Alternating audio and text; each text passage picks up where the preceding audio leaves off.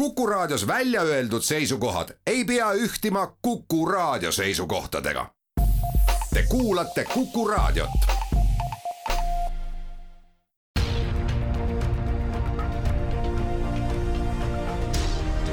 uue samba taga. sammaste taha aitab vaadata sajaaastane eestikeelne rahvusülikool tere, tänase saate külaliseks on äh, professor Mihkel Silmer ja me võtame kõneks äh, tema elu ja töö, sellepärast et äh, riik tunnustas teda hiljuti elutöö preemiaga. küsija on Madis Ligi. samas kanalis, Mihkel, me oleme tosin aastat jaganud toidutarkust, kuid selleks, et ühte tarkust jagada, olgu ta seotud toiduga või millegi muuga, tuleb luua ikkagi see vaimne baas, et oleks, mille pealt neid soovitusi ja teadmisi jagada. millega sa alustasid omal ajal? Ja tere kõigile ja ma tahan väga selgelt öelda, et teiega räägib Mihkel Silmer, mitte tehisintellekt. aga vastuseks sinu küsimusele, ma tõesti ütlen, et see, see on mõistlik ära rääkida, tähendab pärit olen ma Valgamaalt, Valga keskkooli lõpetasin, tulin kuuskümmend kuus Tartu Ülikooli ja õppisin kahe teaduskonna vahel, sain sellise individuaalprogrammi et ma tahtsin kang-, kangelt õppida biokeemikuks, aga seda ei olnud teisiti võimalik ja siis põhimõtteliselt algas selline huvitav protsess nagu Rajakas, mille me algatasime. noh, nimesid ma ei hakka üles lugema, te võite rajakas.com koduleheküljelt vaadata, kõik on seal kirjas, noh, võib-olla Priit Pärn mainida kui kõige, kõige rohkem selles liinis edasi läinud, ma mõtlen kunstiliinis. aga see oli selline periood, mis põhimõtteliselt tekitas murrangu sellises mõtlemises.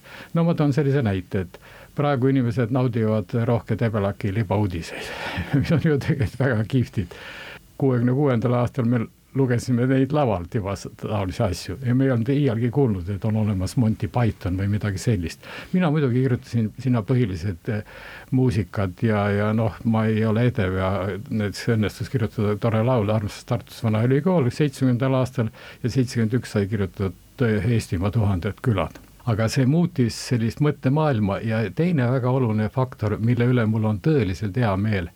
Me olime nii kuratlikult populaarsed, et Nõukogude Liidu Kommunistlik Partei ei olnud meid ülikoolist välja visatud, tollal oli väga lihtne, partkomist tuli käsk ja visati ülikoolist inimene välja. aga kardeti nii-öelda mässu ja nii edasi. Ja see kuulsus oli tõesti suur, sest kui läksid restorani, siis kõik hüüdsid, et kuule, rajakas, tule sööma-jooma, tasuta kõik meie poolt. aga miks ma seda rõhutan? vaat saabus aasta tuhat üheksasada seitsekümmend kolm, ma seitsekümmend üks lõpetasin ülikooli, läksin aspirantuuri ja äkki toimus mul selline vaimne imelik murrang ma mõtlesin, et see kuulsus on ju tore asi, aga mul on sellest kõrini, tähendab. ja vaat see avas nagu selle võimaluse, et, et mind ei lükanud tagant enam selline soov, et olla ekraani peal ja olla, olla seal ja seal ja nii edasi ja ma võtsin nagu põhimõtteks seda, et et võimalikult palju tegeleda huvitavate asjadega, aidata äh, käima panna mitmeid väga häid koostöid klinitsistidega ja nii edasi ja nooremaid kolleege ja teisi kolleege aidata tuntumaks saada, nii et see oli nagu selline lühike taust sellele asjale kui läbi aastakümnete võtta, siis sa oled väga paljudega teinud koostööd, mis näitab sinu kui teadlase mitmekesisust ning esimene preemia, teaduse preemia tuli üheksakümne kaheksandal aastal. jah, see tuli oksüdatiivse stressi alal, sest meil õnnestus näidata, et tollal oli nagu selline arusaam maailmas, et oksüdatiivne stress on midagi väga kahjulikku ja see tuleb kõrvaldada. aga meie koos klinitsistidega tegime seal ühistööd ja saime teaduspreemia, ma olin selle grupi juht, okei okay,, seda selleks, aga me nagu näitasime, et kui on väga sügav oksüdatiivne stress ja kestev oksüdatiivne stress sügav, siis tuleb temaga tegeleda, see tuleb alla suruda, noh näiteks sepsise ajal on nii tugev oksüdatiivne stress, et kui oksüdatiivse stressi komponenti ravis ei arvesta, tema nii-öelda allasurumist, siis jagu sellest asjast ei saa. aga natuke ma tulen uuesti tagasi sinna varasemat perioodi. vot kõigepealt ma uurisin sellist huvitavat asja nagu naatrium-kaaliumatebaasi, see on selline ensüümsüsteem, mis tekitab ioongradiendit, et närvisüsteem saaks, närv, no ütleme, impulss saaks levida. see oli väga põnev temaatika ja, ja miks ma seda räägin ma rääkisin sellest nii vaimustatult kõikidele sõpradele, kes olid filoloogid ja, ja kes iialgi. aga mul oli selle tagamõte, sellega ma tre-, treenisin sellist populariseerimise lihtsat rääkimist, ma rääkisin väsimatult ja nad ütlesid mulle, et Mihkel, sa no nii mõnusalt muiatas, et Mihkel, sa saad Nobeli preemia selle eest. ma ütlesin ei, ei, Rajakas on mulle õpetanud, et selle eest ma Nobeli preemiat ei saa, aga saab härra Jens Kõu kes avastas selle viiekümne seitsmendal aastal ja läkski nii, Scow sai Nobeli preemia ja mina suundusin siis teistele jahimaadele. aga miks ma sellest episoodist räägin, see oli väga tore episood. kuna tollal meil ei olnud publitseerimise võimalusi välismaal, ei olnud raha ja teiseks eh, laulu Eestimaa kirjutamine ja rääkas olemine blokeeris ära mul välissõidud. mulle öeldi, et ära üritagi stažööri, me ei lase sind nii või kui. ma olen alati muhelnud, öelnud, et talent jäi koju, väga tore, aga Scoga oli huvitav asi ma olen alati aidanud seda joont hoida, et kui mul oli teaduse raha, siis minu eesmärk oli, et minu doktorandid peavad välismaale sõitma, mitte mina. konverentsil või, võisin ka mina käia, aga kindlasti pidi doktorant käima ja üks doktorant oli konverentsil, kus ATP-baasi asja uuriti ja tuli härra Skõu tema juurde, tema oli siis juba Nobeli preemia laureaat ja siis tundis huvi, see ei olnud viisakus selles mõttes, et ta ütles ja, ja et ma tean teie tartlaste töid, et ma olen neid varem ka lugenud. nii et no ütleme, ka siis pandi natuke juba tähele, mida me tegime, aga me ei saanud välja, aga tulles nüüd selle oksidatiivse stressi juurde tagasi, siis sellega tõesti sai tublit tööd tehtud ja, ja noh, nüüd on ju tänapäeval selge, et et oksidatiivne stress selline normaalses nähus on täiesti mõistlik, aga, aga tõsises nähus on ta väga oluline patogeenne faktor ja sellega tuleb tegeleda stressi juurest jõuame vererõhu ja veresoonte uurimise juurde ehk äh, jälle koostöö teiste valdkondade inimestega. täpselt nii, sellepärast et vaata, minule meeldib nagu asju mõelda niimoodi, et, et vaat veresoonte sisekiht on üherakuline kiht on endoteel ja kui see endoteel kõik kokku võtta, endoteel sekreteerib väga palju asju, siis endoteeli võib nimetada äh, organismi kõige suuremaks sisesekretsiooni näärmeks. ja mina mõtlesin, et ta teeb nii palju asju, et ta peab olema jõle tähtis ja siis hakkasin oma nooremaid kolleege natuke hullutama ja, ja häid sõpru, klinitsiste, mm, Rein Teesalu ja, ja, ja Andres Pulges ja, ja härra Jaan Jaha ja nii edasi. Ja mõtlesime, et pagan teeme Tartusse Eesti esimese endoteli uuringute keskuse, tegimegi selle ära. ehk selle, me lõime sellise keskuse, kus mitteinvasiivselt ei ole vaja veresoone minna, saab mõõta endoteli talitlust, saab mõõta väikeste arterite jäikust ja saab arvutada välja ka suures veresoones, kõige suuremas aordis vererõhu. miks see on pagana oluline, see on pagana oluline sellepärast, et kui inimesel on käsivarrel natuke tõusnud vererõhk, noh, mitte ei ole kõrge rõhu, vererõhutõbi, vaid on tõusnud nii, siis on väga mõistlik saada jälile, et mis on aordis. kui aordis on normis, siis probleemi tegelikult veel ei ole. ja väga hea selle keskuse tööd ja, ja, ja, ja mitmed doktoritööd, mis sai seal kaitstud, juhendatud, panustasid ka sellele, et eh, rootslased ja mõned muu maa teadlased võtsid ka meie andmed kõik ja, ja siis panid paika ka selle aordi normi, rõhu normi väärtused vastavalt heale, ütleme iga kümneaastase sammuga, nii et see oli nagu puht praktiliselt väga huvitav asi jälle.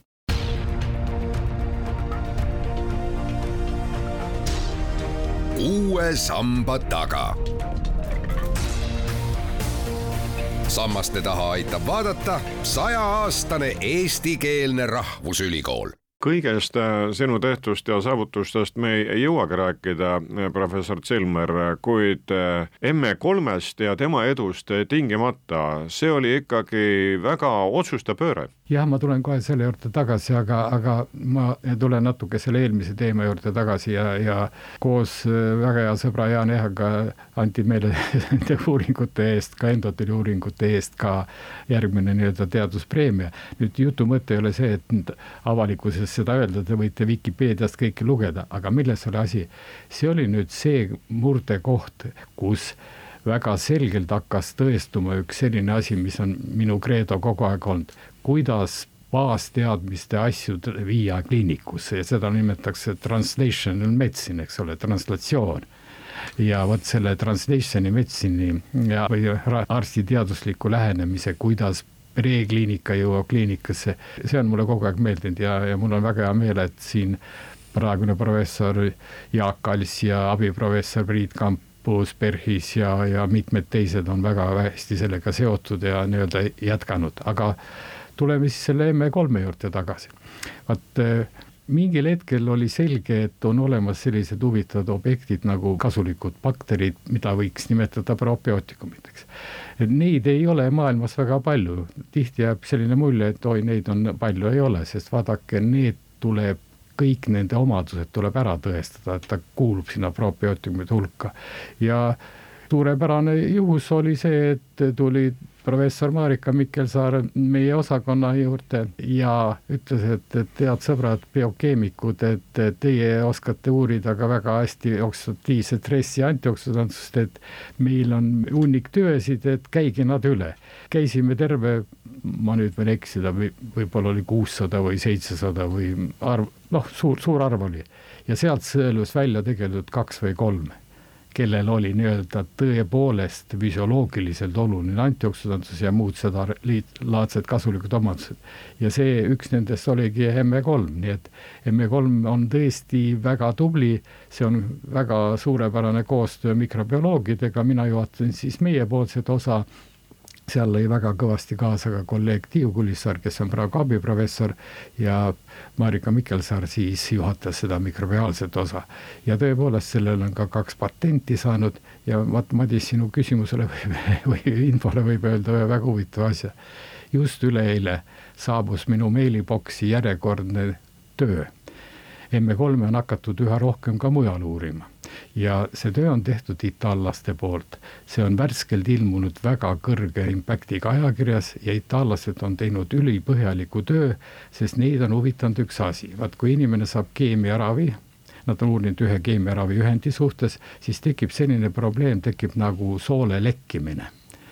Ja see on tõsine probleem, sellepärast et see tekitab olukorra, kus lekib verre mida iialgi, eks ole.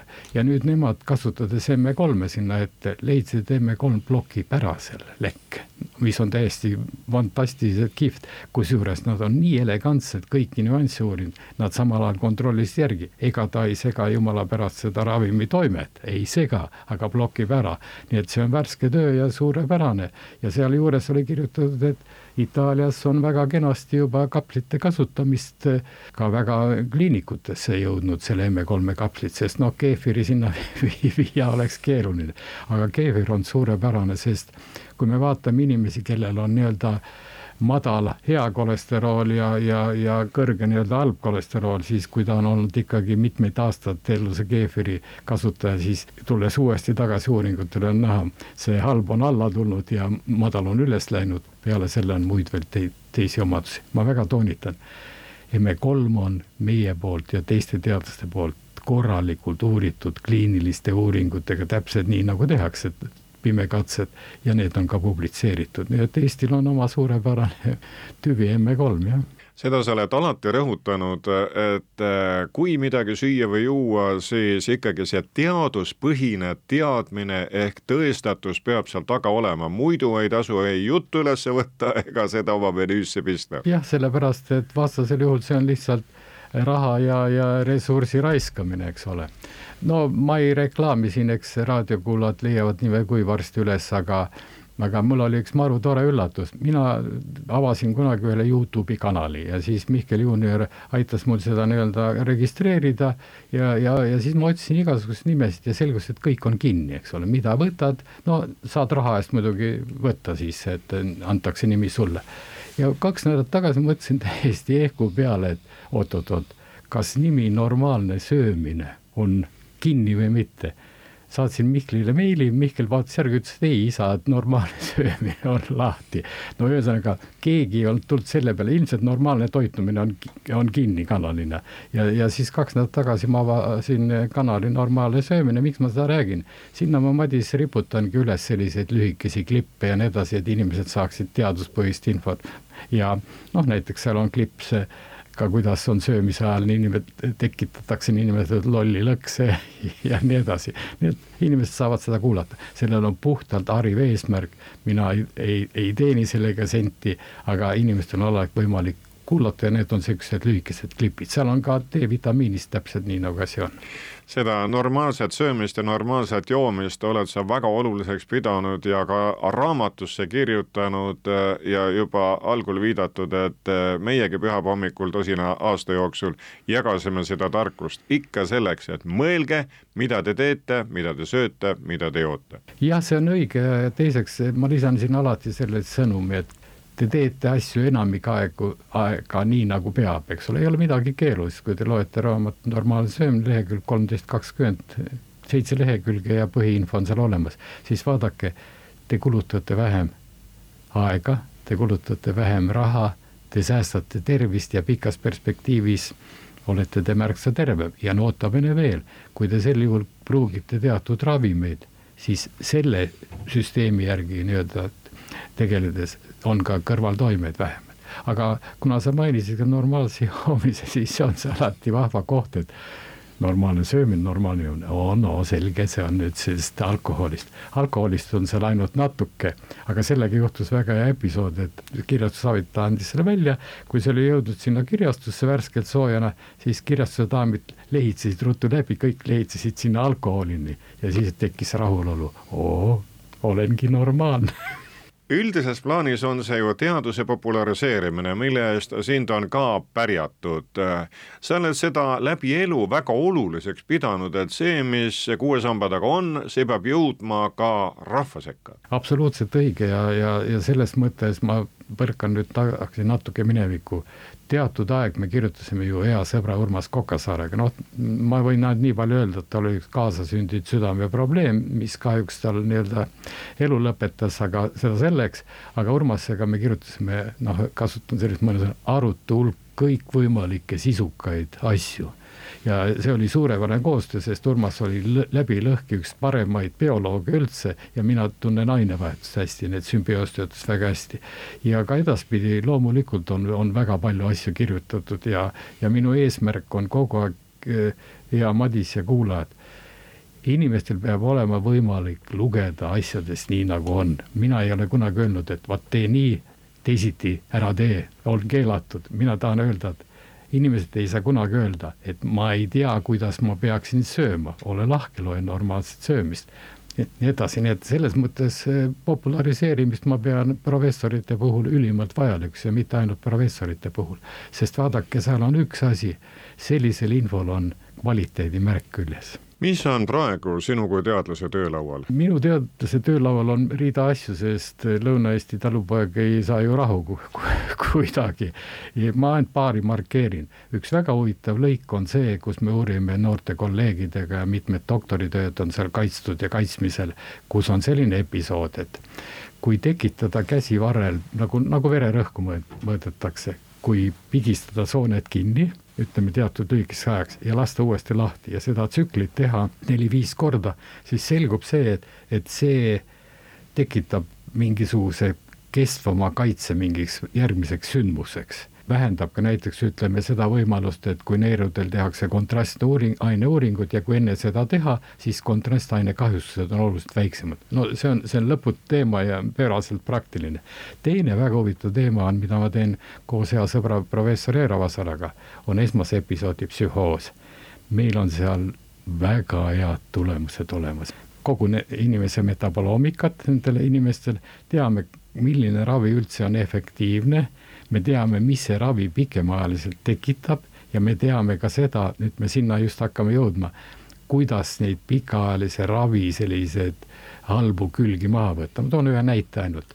ravid, noh, töötavad enam-vähem nii ja naa, need ained, mida kasutatakse, aga praktiliselt peaaegu kõigil või suurel osal kutsuvad nad esile diabeedi kas meil on ka mingi idee, kuidas ravile tuua midagi juurde, et see diabeedi teke nihkuks edasi?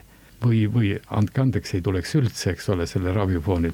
see on muidugi suurepärane, sest soomlased on väga selgelt näidanud, et, et sellised skisofreenia inimesed elavad lihtsalt kakskümmend, viisteist kuni kakskümmend aastat vähem ja vot see on nüüd selline väga akuutne teema, millega me tegeleme ja, ja teisi teemasid on ka aitäh sulle, riigi elutööpreemia laureaat professor Mihkel Silmer, kes armastad ennast tituleerida inimese ainevahetuse professor. no nii ta tegelikult maakeeli on, sellepärast et meditsiiniline biokeemia ja see kõlab teaduslikult ja väga huvitavalt ja, ja ahvatlevalt, aga tegelikult see tähendab seda, et inimese eriala on tegelikult ainevahetus, inimese ainevahetus.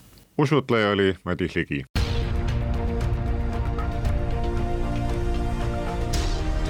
uue samba taga.